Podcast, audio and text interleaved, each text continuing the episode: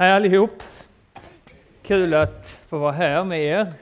Jag vet inte vad ni sitter med för förväntningar. Jag själv är förväntansfull inför denna förmiddag och tycker att det är ett spännande ämne jag har fått ta mig an, det här med Fadern.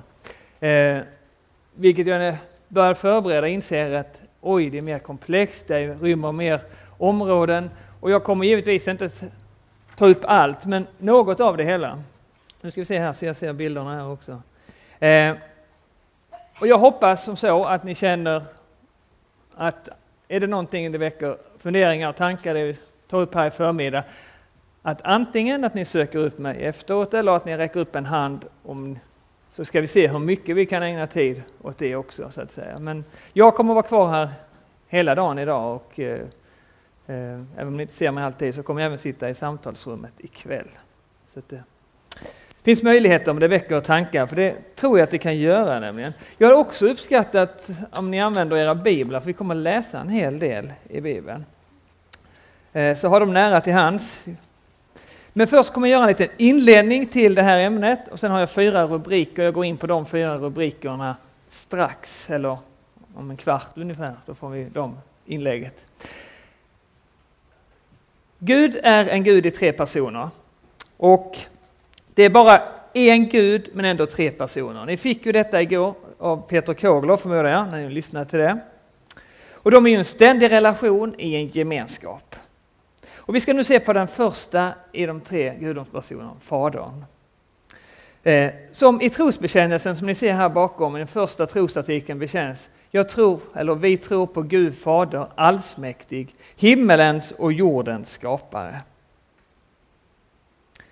Eh, trosbekännelse, bekännelse på grekiska heter nämligen homolog, nu måste jag säga det här svaret. Homologio, homologio.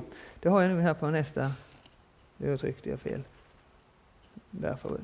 Så ska det vara. Där ser ni det. Homologio, det betyder helt enkelt att säga samma sak som någon. Eh, så när vi bekänner oss till Gud, om vi nu gör det, och när vi vill bekänna oss till Gud, så är det viktigt att säga samma sak om Gud som Gud själv säger.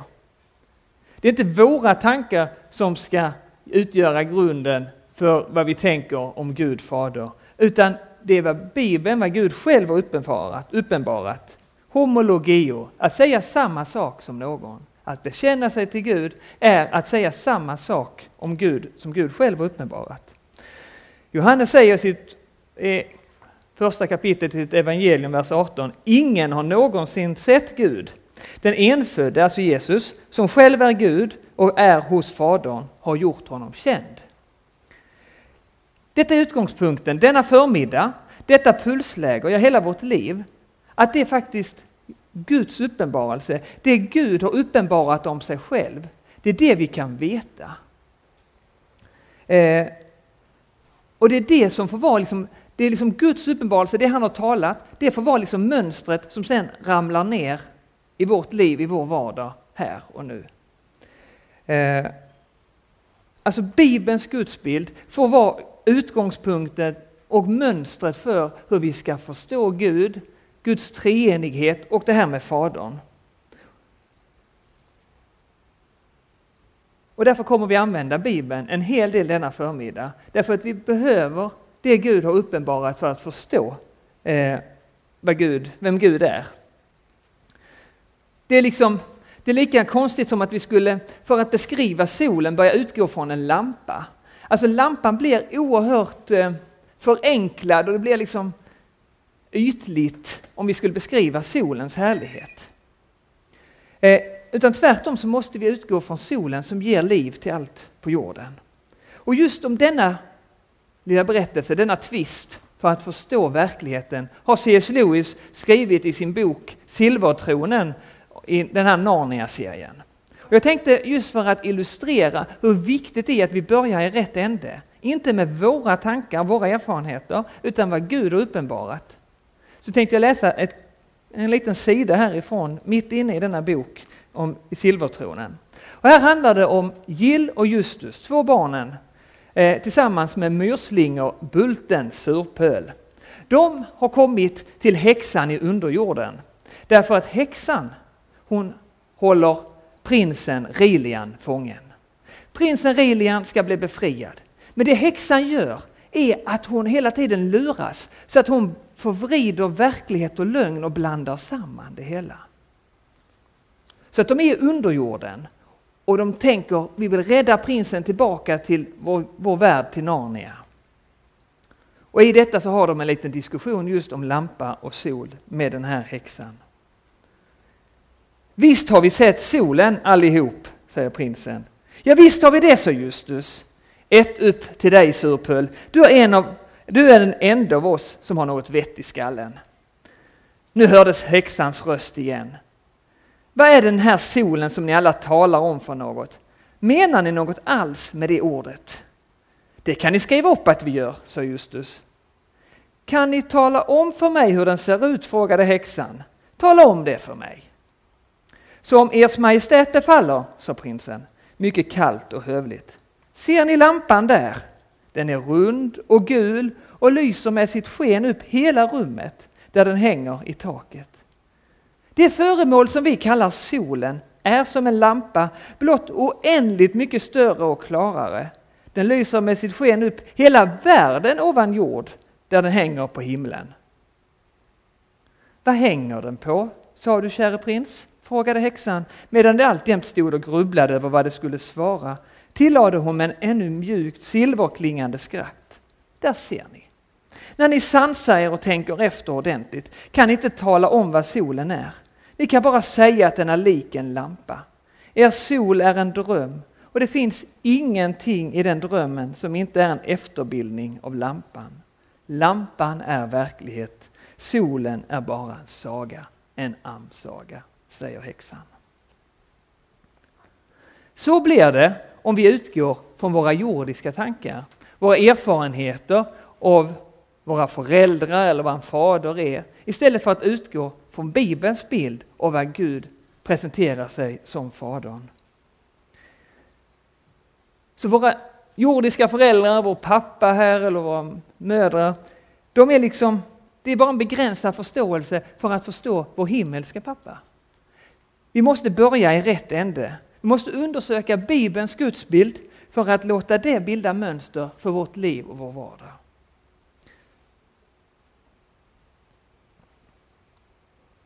Paulus säger, ska vi vidare, här i Efesierbrevet 3, vers 14 15. Därför böjer jag mina knän för Fadern, han från vilket allt vad Fader heter i himlen och på jorden har sitt namn. Han från vilket allt vad Fader heter i himlen och på jorden har sitt namn. Det Paulus här helt enkelt säger är att det vi kallar för pappa eller far eller vad du använder eh, om din pappa, om man nu var han nu finns och hur han är, eh, är, har sin grund i Gud själv. Det är Gud som är den verkliga pappan, vår allas pappa. Eh, och det i sin tur får vara det som, vi, som gör att vi kan kalla våra pappor här på jorden pappa. Vi måste utgå från vår himmelska pappa. Och Paulus säger också i Efesierbrevet 4.6, Gud som är allas fader, han som är över alla, genom alla och i alla. Gud uppenbarar sig, alltså han presenterar sig, precis som jag presenterar mig som Hjalmar Unosson, som presenterar sig Gud bland annat som Fadern. Han kallas även för skapare, han kallas för Herre, försonare, han kallas för domare och herde. Eh, Genom hela Bibeln, alltså både Gamla Testamentet och Nya Testamentet, så uppenbarar och presenterar sig Gud endast i maskulina termer. Och till och med domare och herde som på svenska är neutralt, är i grundspråket eh, direkt förståelse maskulint. Gud presenterar sig som Gud fader och inte som Gud moder. Men, här är ett stort men, men Gud låter oss ändå förstå att även det kvinnliga har sin källa i Gud. Genom att, som ni ser här första Mosebok 1.27, att Gud skapade människan till sin avbild. Till Guds avbild skapade han henne, till man och kvinna skapade han dem. De skapades som människor till att vara lika Gud. Och vi ser också på flera ställen i Bibeln att Gud använder bilden av en moder för att beskriva den omsorg han har av sitt folk, sina barn, sin män, som människorna. Jesaja 49.15 Kan då en mor glömma sitt barn så att hon inte förbarmar sig över sin livsfrukt? Och även om hon kunde glömma sitt barn ska jag aldrig glömma dig, säger Herren. Och vidare i Jesaja 66, 12-13. Ty så säger Herren, ni ska få dia och bli burna på höften och få sitta på knät och bli smekta. Som en mor tröstar sin son ska jag trösta er. Så det kvinnliga finns med. Men, jag är ändå ett viktigt men. Gud uppenbarar sig, presenterar sig som Gud fader och aldrig som Gud moder. Men han använder bilden som en mor eh, tröstar sin son, så ska jag trösta er. Han använder alltså en talande bild för att beskriva den omsorg, alltså moderskärlek, för att beskriva den omsorg han har om sitt folk, sina barn. Så Gud fader är alltså källan, ursprunget för både det moderliga och det faderliga. Men ändå så väljer Gud att presentera sig som Gud fader. Alltså i maskulina termer. Och det är Bibelns gudsbild. Jag tycker att det är viktigt att ta upp det i en tid då allt ska vara könsneutralt. Att Bibeln faktiskt ger den beskrivningen. Och det är någonting vi måste förhålla oss till om vi vill ta Bibelns ord på allvar. Samtidigt är här en jätteviktig sak jag vill poängtera. Och det är att det mänskliga förenar oss långt mycket mer än vad, det, eh, vad man och kvinna skiljer oss åt. Vi har mer förenat som människa än vad som man och kvinna skiljer oss åt. Det innebär att när Gud blir människa så kan vi som man och kvinna, som människor, möta Gud, ha något gemensamt. Eh, som ni ser där så skrev jag precis det här nedre delen. Vi är inte främst satt i en kamp mellan män och kvinnor, utan vi är ett gemensamt människosläkte där vi som kristna bekänner att Gud blivit en människa. Som oss. Därför kan vi som människor, som man och kvinna, ta till oss alla dessa olika bilder, både de moderliga bilderna och det när han presenterar sig i maskulina termer. Kan vi som människor ta till oss det eftersom Gud har kommit ner och blivit människa. Så det är inte så att man kan bara identifiera sig med det ena utan vi kan känna och ta till oss det helheten. Och samtidigt får vi förhålla oss till den bild som Bibeln ger. Utgångspunkten denna förmiddag det är Bibelns undervisning om Gud Fadern och där i ryms både det manliga och kvinnliga. Vi är som man och kvinna en avbild av Gud. Hoppas att det blir någorlunda tydligt att Gud uppenbarar sig som Gud Fader men han använder bilder och det manliga och det kvinnliga kommer som ett ursprung från Gud Fader.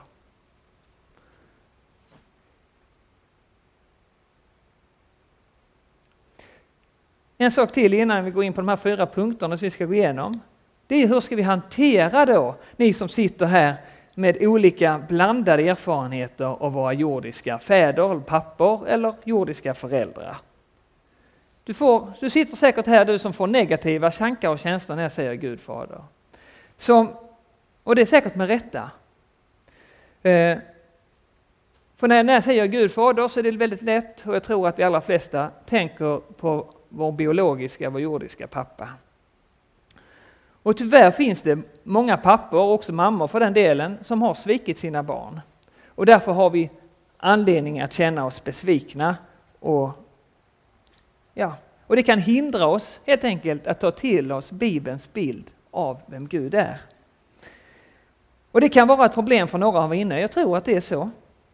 Eh, men jag hoppas, och min bön har varit när jag förberett detta, det är att ni ändå ska se att just solen är så mycket klarare och härligare än en lampa.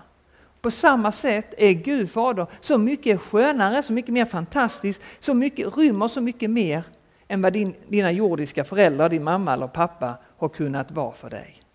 Sen finns det säkert er som har väldigt bra erfarenheter av föräldrar och det är bara att gratulera. Så därför vill jag, jag vill be dig lite att denna stund, oavsett vilka erfarenheter du sitter, vilka känslor detta väcker, just med att Gud presenterar sig som Fadern, så vill jag att du försöker, låt Bibeln, låt solen som jag pratar om, utgå, vara liksom den utgångspunkt som eh, får beskriva vem Gud är. Så att vi inte applicerar vår föräldrabild på Gud, utan Gud är det som sen faller ner eh, och att vi förstår att aha, det är därför vi också säger mamma och pappa. Det är för att det finns en fantastisk pappa i himlen som verkligen bryr sig om på alla de sätt som jag behöver.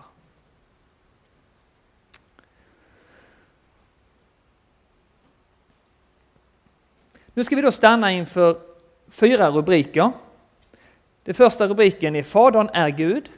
Den andra rubriken är Fadern är som skaparen. Den tredje är Fadern älskar sitt folk och den fjärde är Fadern älskar dig och mig. De första tre rubrikerna kommer vi ungefär hinna med, kanske alla innan paus. Och den sista, som också är den längsta, Fadern älskar dig och mig, det blir liksom andra halvlek. Så vet ni ungefär mitt upplägg, vad ska hända.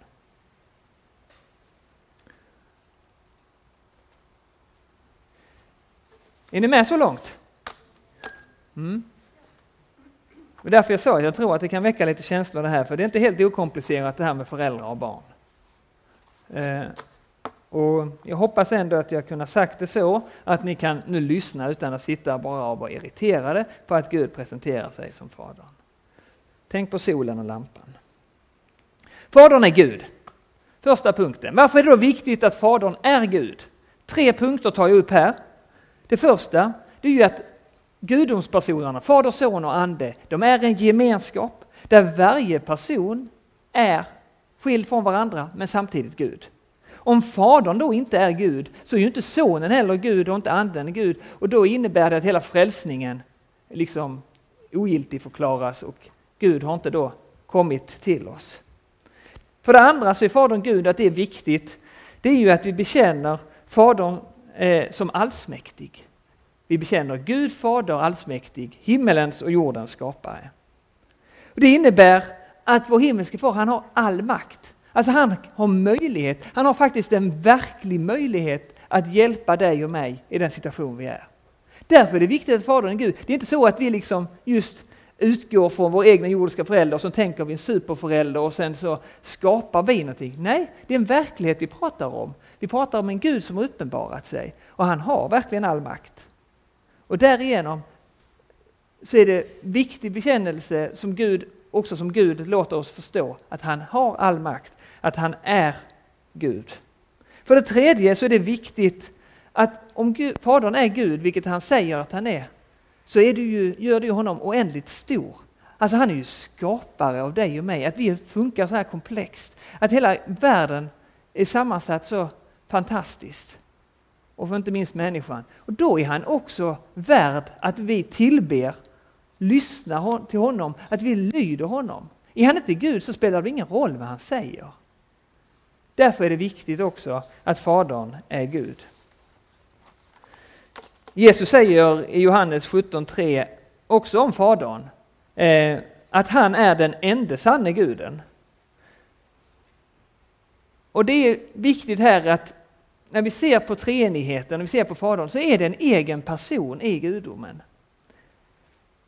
För det står till exempel i Johannes 3.16 att Gud utgav sin enfödde son, alltså Fadern utgav sin enfödde son.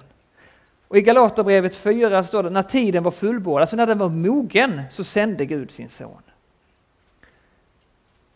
Det är alltså tydligt här när Fadern är Gud, vi har inte att göra med några siamesiska trillingar. Att Fadern och Sonen och Anden har råkat växa ihop och så sitter de där och lite och vill egentligen komma loss från varandra. Nej, de är en fullkomlig, en fantastisk gemenskap, men ändå skilda från varandra. Och detta kan vi inte förstå med vår hjärna, därför att det är inte så att vi kan greppa Gud, för hur skulle vi kunna fatta den som har skapat oss så komplext? Vi förstår ju inte oss själva alltid. Vi vet inte vad Peter tog upp igår med olika bilder av treenigheten, men de kan ju ibland vara en hjälp att förstå.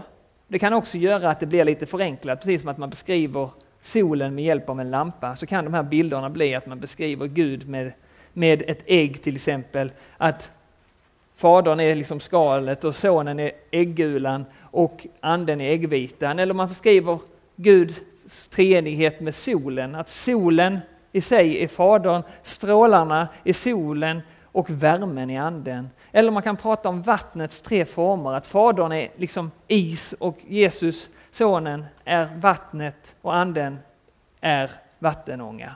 Och Det jag vill säga med de här tre snabba bilderna, det är ju att det blir extrema förenklingar, men det finns egentligen ingenting ologiskt i att någonting kan vara tre olika saker och samtidigt ett.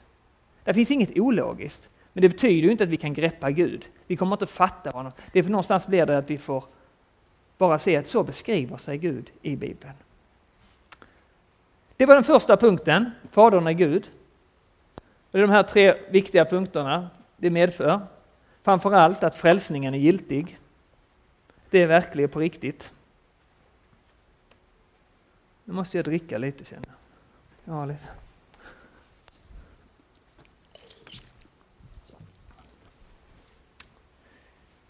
Den andra punkten, Fadern som skaparen.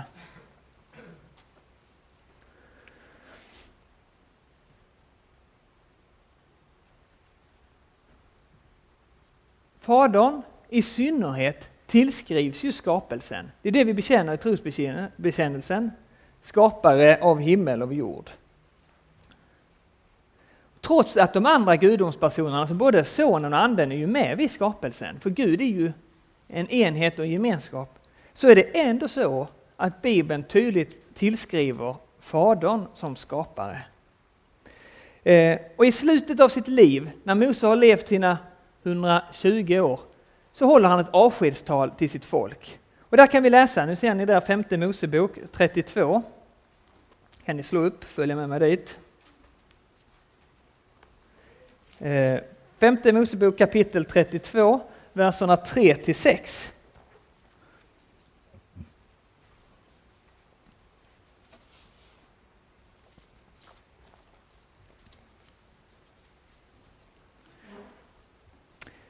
Ty Herrens namn skall jag förkunna, ge ära åt vår store Gud. Han är klippan, fullkomlig är hans gärningar, ty alla hans vägar är rätta. En trofast Gud utan svek, rättvis och rättfärd, nej, rättfärdig och rättvis är han. De har handlat illa mot honom, alltså folket, det är inte hans barn, utan en skam, ett förvänt och avvokt släkte.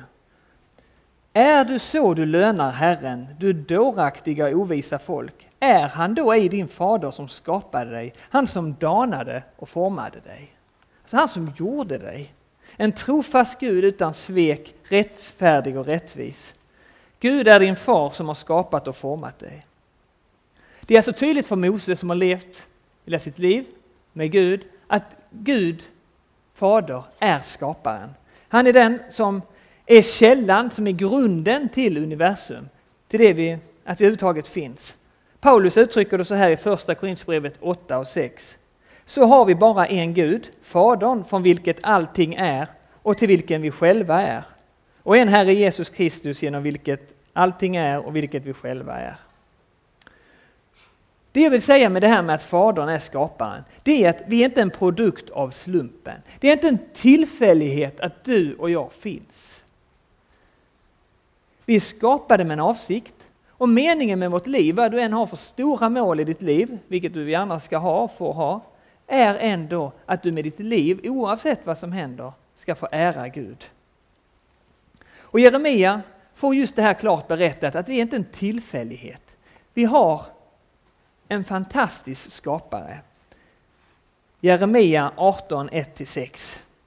Ni kan följa med dit också och slå upp det. Om just hur Gud är den här krukmakaren som använder leret. Jag vet inte om ni själv har drejat någon gång? Är det någon som har gjort det? Här är några. Jag har provat bara fåtal gånger jag kan säga att det blir mer klump än något fantastiskt föremål. Därför att det är svårt. Men det är väldigt kul tycker jag. Men hur är det då när vår skapare drejar? 18, Jeremia 18, 1-6. Detta är det ord som kom till Jeremia från Herren. Han sa Stå upp och gå ner till krukmakarens hus. Där ska jag låta dig höra mina ord.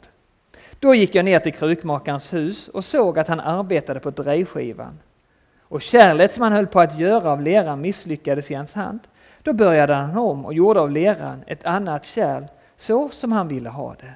Och Herrens ord kom till mig. Han sa, skulle inte jag kunna göra med er, ni av Israels hus, så som denne krukmakare gör, säger Herren.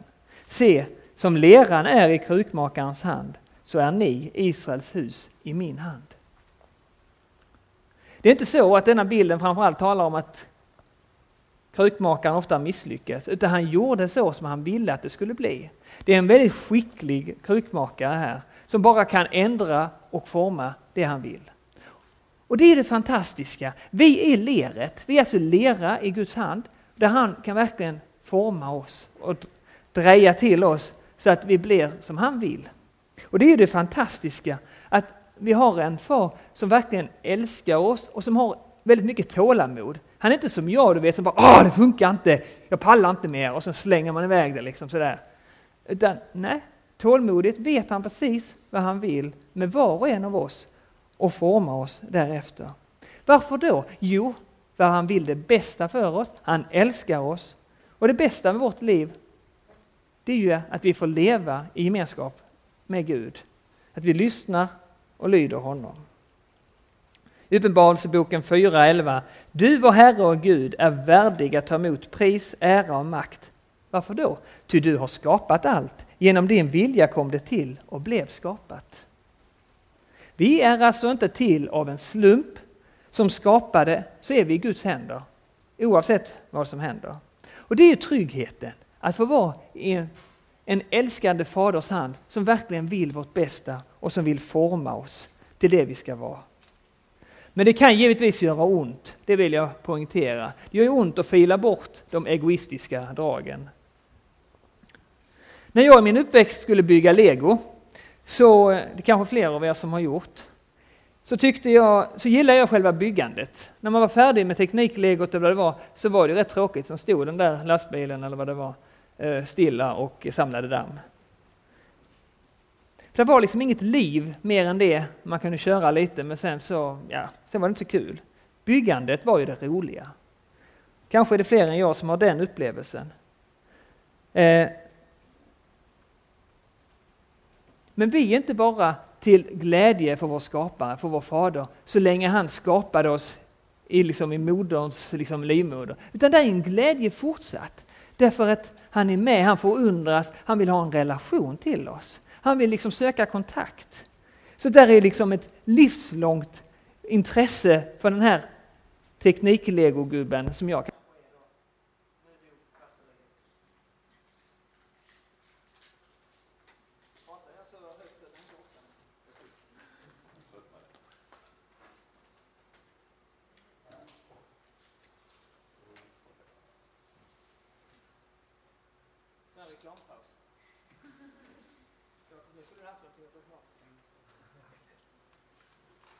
Centbok ökade till 20 och andaktsbok 180 spänn hela året. Vi har provat den alltså i rabattgrupper i morse, eller vad heter det, smågrupper i morse. Köp den, den var 80 spänn. Slut på reklamen. Tack för det powerbreaket. Eh, man får ju vara lite modern ibland. Hur som helst, vi var där vid legot att Gud verkligen gläds över att fortsätta vara med sin skapelse genom hela vårt liv. Därför att han vill ju också ha en gemenskap med oss i all tid, i evighet. Och så fortsätter han ju skapa. Vi lever ju fortfarande. Alla här inne sitter och andas för jag vet, jag ser ingen som har dött ännu. Kanske någon som somnat. Men det är ju ändå så att Gud fortsätter att skapa och dreja på leret. Han är så intresserad av att ha en relation till oss. Eh, vilket jag aldrig kunde ha med mitt lego för att ja, det blir rätt så mycket på bara mina villkor. Det är inte kul i längden. Och gemenskapen med Fadern det får vi genom att lyssna till hans röst som vi hör i Bibeln. Lyssna till det han vill säga. Och han är alltså lika engagerad i dig som krukmakaren här är intresserad av att leret ska bli något fantastiskt i hans hand. Det var alltså den andra punkten eh, om Fadern som skapare. Vi ska gå vidare till tredje punkten. Fadern älskar sitt folk.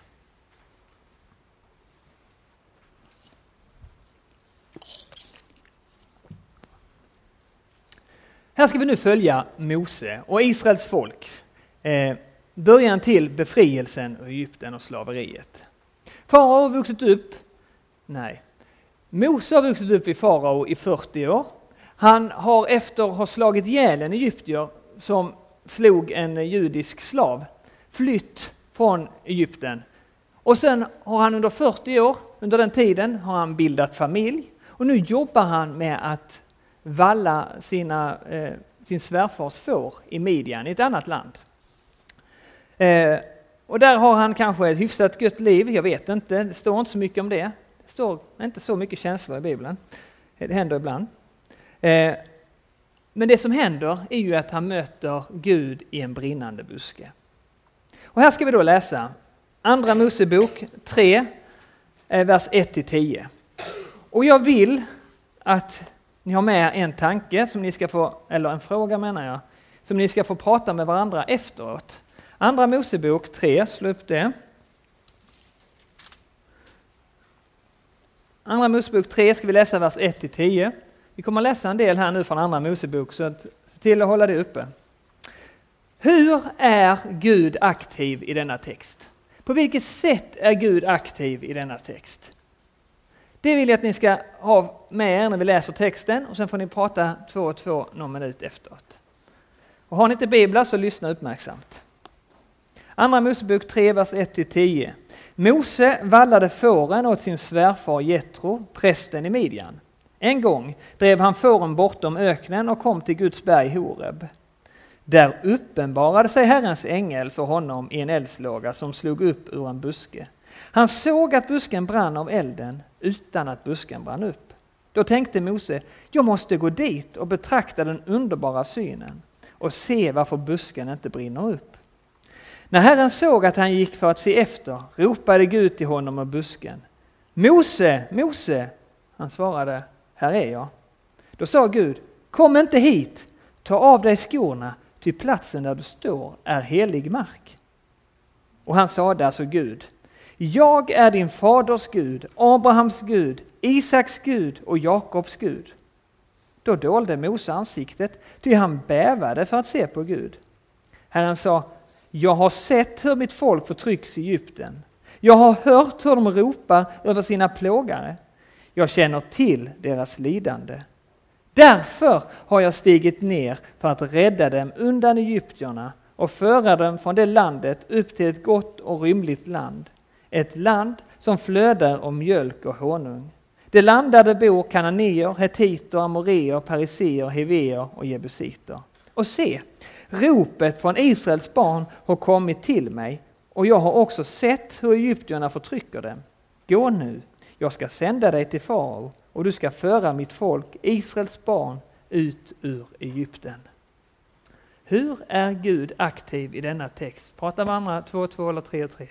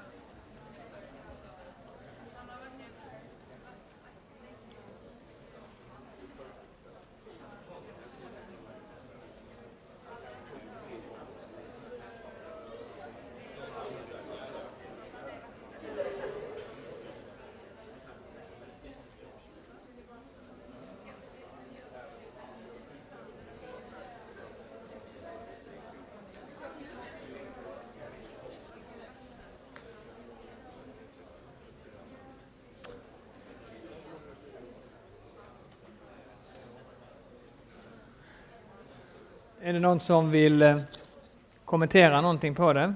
Eller ni bara... Ni upptäcker att Gud är aktiv. Jag hoppas det. Det är ju en fantastisk initiativ Gud tar. Det är i stort sett han som handlar. Eh, jag fortsätter här om det är ingen som vill göra något inlägg. Och Det som är intressant här är ju faktiskt att Mose söker ju inte Gud. Det är inte så att han är en gudstjänst och bara värsta goa lovsångskänslan eller någonting sådär. Det är inte det han söker.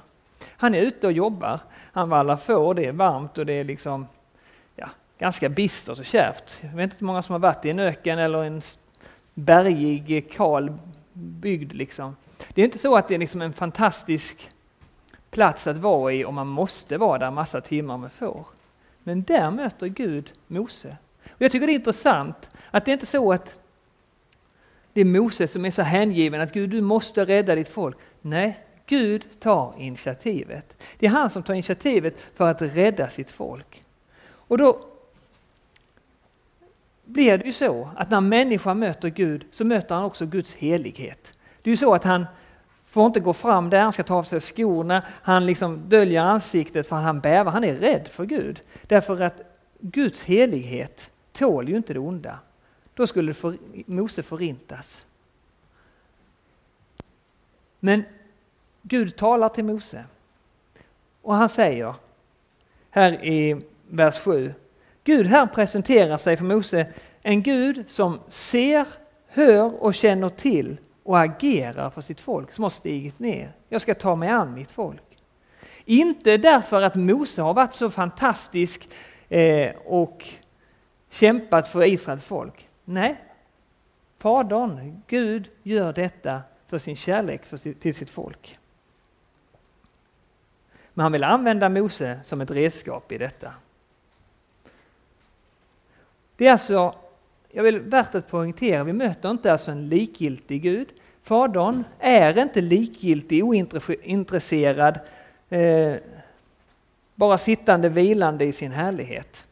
Nej, det är en Gud, en fader vi, vi tror på, som verkligen är angelägen om att komma i kontakt, att befria Israels folk från det slaveri, det tunga jobb de är under.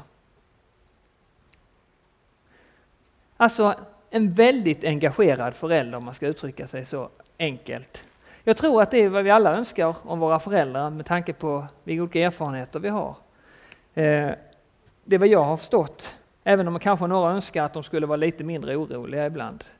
Så är det ändå så att Gud är superengagerad för sitt folk. Då ska vi läsa vidare i Andra Mosebok. Vi kör ett litet tag till eh, innan vi tar en paus. Andra Mosebok 3, vers 11 till 17. Men Mose sa till Gud, vem är jag att jag skulle gå till farao, att jag skulle föra Israels barn ut ur Egypten? Han svarade, jag är med dig och detta ska för dig vara tecknet på att det är jag som har sänt dig.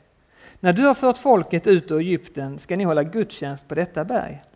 Då sa Mose till Gud, när jag kommer till Israels barn och säger till dem, era fäders Gud har sänt mig till er, och de frågar mig, vad är hans namn? Vad ska jag då svara dem? Gud sa till Mose, jag är den jag är. Och han sa vidare, så ska du säga till Israels barn, jag är har sänt mig till er. Och Gud sa ytterligare till Mose, så ska du säga till Israels barn, Herren era fäders Gud, Abrahams Gud, Isaks Gud och Jakobs Gud har sänt mig till er. Detta ska vara mitt namn för evigt och så ska man kalla mig från släkte till släkte. Gå nu och samla de äldste i Israel och säg till dem, Herren era fäders Gud, Abrahams Gud, Isaks Gud och Jakobs Gud har uppenbarat sig för mig och han har sagt, jag har sett till er och vet vad man har gjort mot er i Egypten. Därför säger jag er, jag ska föra er bort från lidandet i Egypten och upp till kananéerna, hetiternas, amoreernas, periseernas, heviseernas och jebusiternas land. Ett land som flödar av mjölk och honung. Alltså Mose möter helt enkelt Gud som presenterar sig som jag är, eller jag är den jag är. Alltså det är alltså en Gud som bara är, utan början och utan slut. Och det är ju Fadern, också en presentation av Fadern som ständigt närvarande, engagerad och starkt älskande sitt folk. Men Mose han är ju tveksam. Är jag rätt person? Eh, och först efter att Gud har visat honom många tecken och dessutom gett honom hans bror Aron till stöd och hjälp så går han med till att vara ett verktyg i Guds hand. Här i sista versen, eh, i vers 17, så säger Gud att han ska föra Israels folk bort från lidandet i Egypten. Men hur blir det då med detta, att han för dem bort från lidandet? Vi kan köra lite till. Mm. Vi läser lite vidare. Då ser ni, nu ska jag se, jag ska bläddra fram så ni kan se. Där. Jag ska läsa två stycken. Andra Mosebok 4, 29 till kapitel 5, vers 4. Och sen vidare från vers 19 i kapitel 5. Hur blir det med det här med lidandet? Gud lovar att han ska ta bort lidandet från dem. Andra Mosebok 4, vers 29. Sedan gick Mose och Aron och kallade samman alla de äldste av Israels barn. Och Aron talade om allt vad Herren hade sagt till Mose och han gjorde tecknen inför folkets ögon. Då trodde folket och när de hörde att Herren hade tagit sig an Israels barn och sett deras lidande böjde de sig ner och tillbad. Därefter gick Mose och Aron till farao och sa Så säger Herren Israels Gud, släpp mitt folk så att de kan hålla högtid, alltså gudstjänst åt mig i öknen. Men farao svarade, vem är Herren? Skulle jag lyssna på honom och släppa Israel? Jag känner inte Herren, inte heller tänker jag släppa Israel. Då sa de, Hebreernas Gud har uppenbarat sig för oss. Låt oss därför gå tre dagsresor in i öknen och offra åt Herren vår Gud, så att han inte kommer över oss med pest eller svärd. Men kungen i Egypten sa till dem, Mose och Aron, varför drar ni bort folket från deras arbete? Gå ni, eller gå till era dagsverken. Farao är absolut inte intresserad av att släppa det folk som ser till att Egypten är en, liksom en framstående nation för att de har så många arbetare som jobbar åt dem byggnadsmässigt. Vad händer då istället? Vi läser från vers 19 i kapitel 5. Israeliternas tillsyningsmän, alltså de som tills, hade tillsyn över slavarna, märkte att det var illa ställt för dem eftersom man hade sagt att folket inte skulle få något avdrag i det antal tegel de skulle lämna för varje dag. När de kom ut från farao träffade Mose och Aron som stod där för att möta dem. Och de sa till dem, måtte Herren se vad ni har gjort döma er, därför att ni kommit farao och hans tjänare att avsky oss och satt svärd i deras hand som de kan döda oss. Då vände Mose sig på nytt till Herren och sa, Herre, varför har du handlat så illa mot detta folk? Varför har du sänt mig? Ända sedan jag gick till farao för att tala i ditt namn har han ju handlat illa mot dem och du har inte gjort någonting för att rädda ditt folk. Ord och inga visor från Mose till Gud. Och det är inte så konstigt. Gud lovar, Fadern här lovar att det ska befrias från det slaveri. De jobbar jättetungt med tegel i Egypten, ni vet att det är så varmt, många åker dit på semester. Där jobbar de under stekhetta för att bygga jag vet inte om det var pyramider, men de byggde i alla fall stora eh, konst, eh, stora palats och annat. Så att det var ju jättetufft. Och det är klart att folket blir så glada när de hör att Herren lovar att de ska slippa lidande. Och så blir det värre. Farao säger, varför ska ni ta folket ifrån mig? Jag behöver mina arbetare.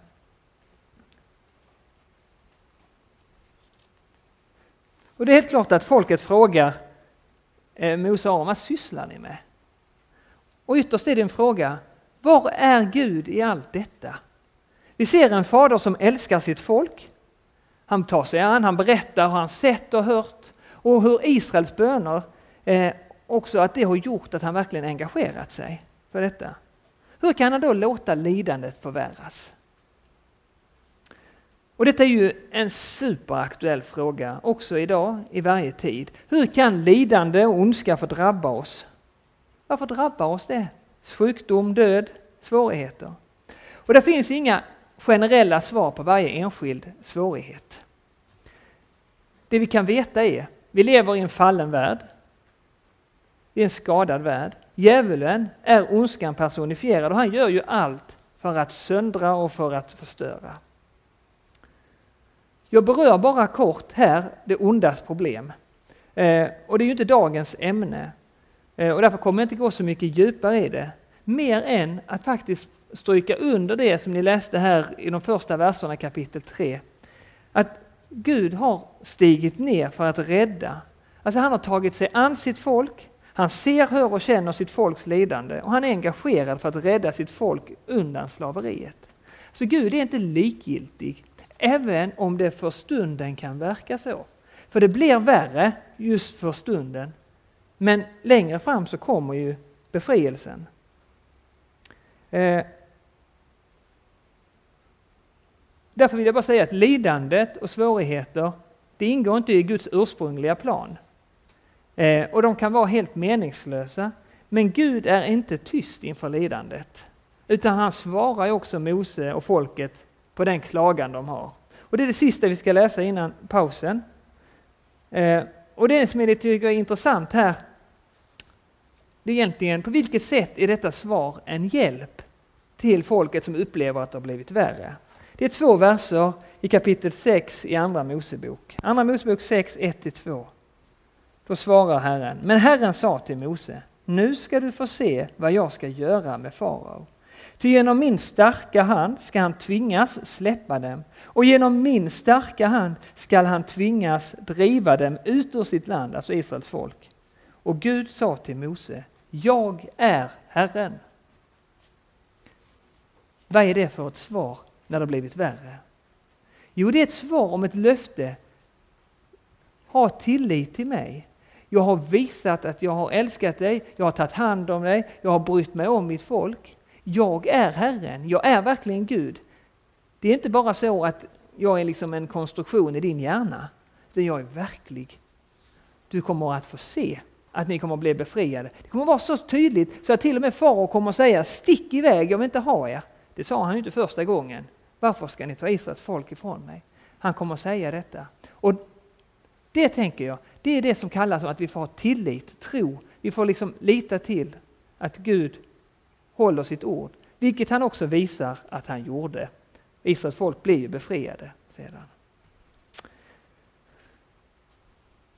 Eh, och det här med lidande, det är ju så att vi har ju begränsat perspektiv. Gud har ett helt annat perspektiv. Gud kan ju se framåt, vilket inte vi kan. Det gör också en skillnad att när det svåra drabbar oss så kan det verka helt ologiskt, helt korkat och det kan vara helt meningslöst. Det vet vi inte. Men Gud har ett annat perspektiv. Det är också ett litet svar i det. Gud älskar sitt folk. Det var den sista, eller tredje punkten innan vi ska gå in efter pausen på det här att Gud älskar dig och mig.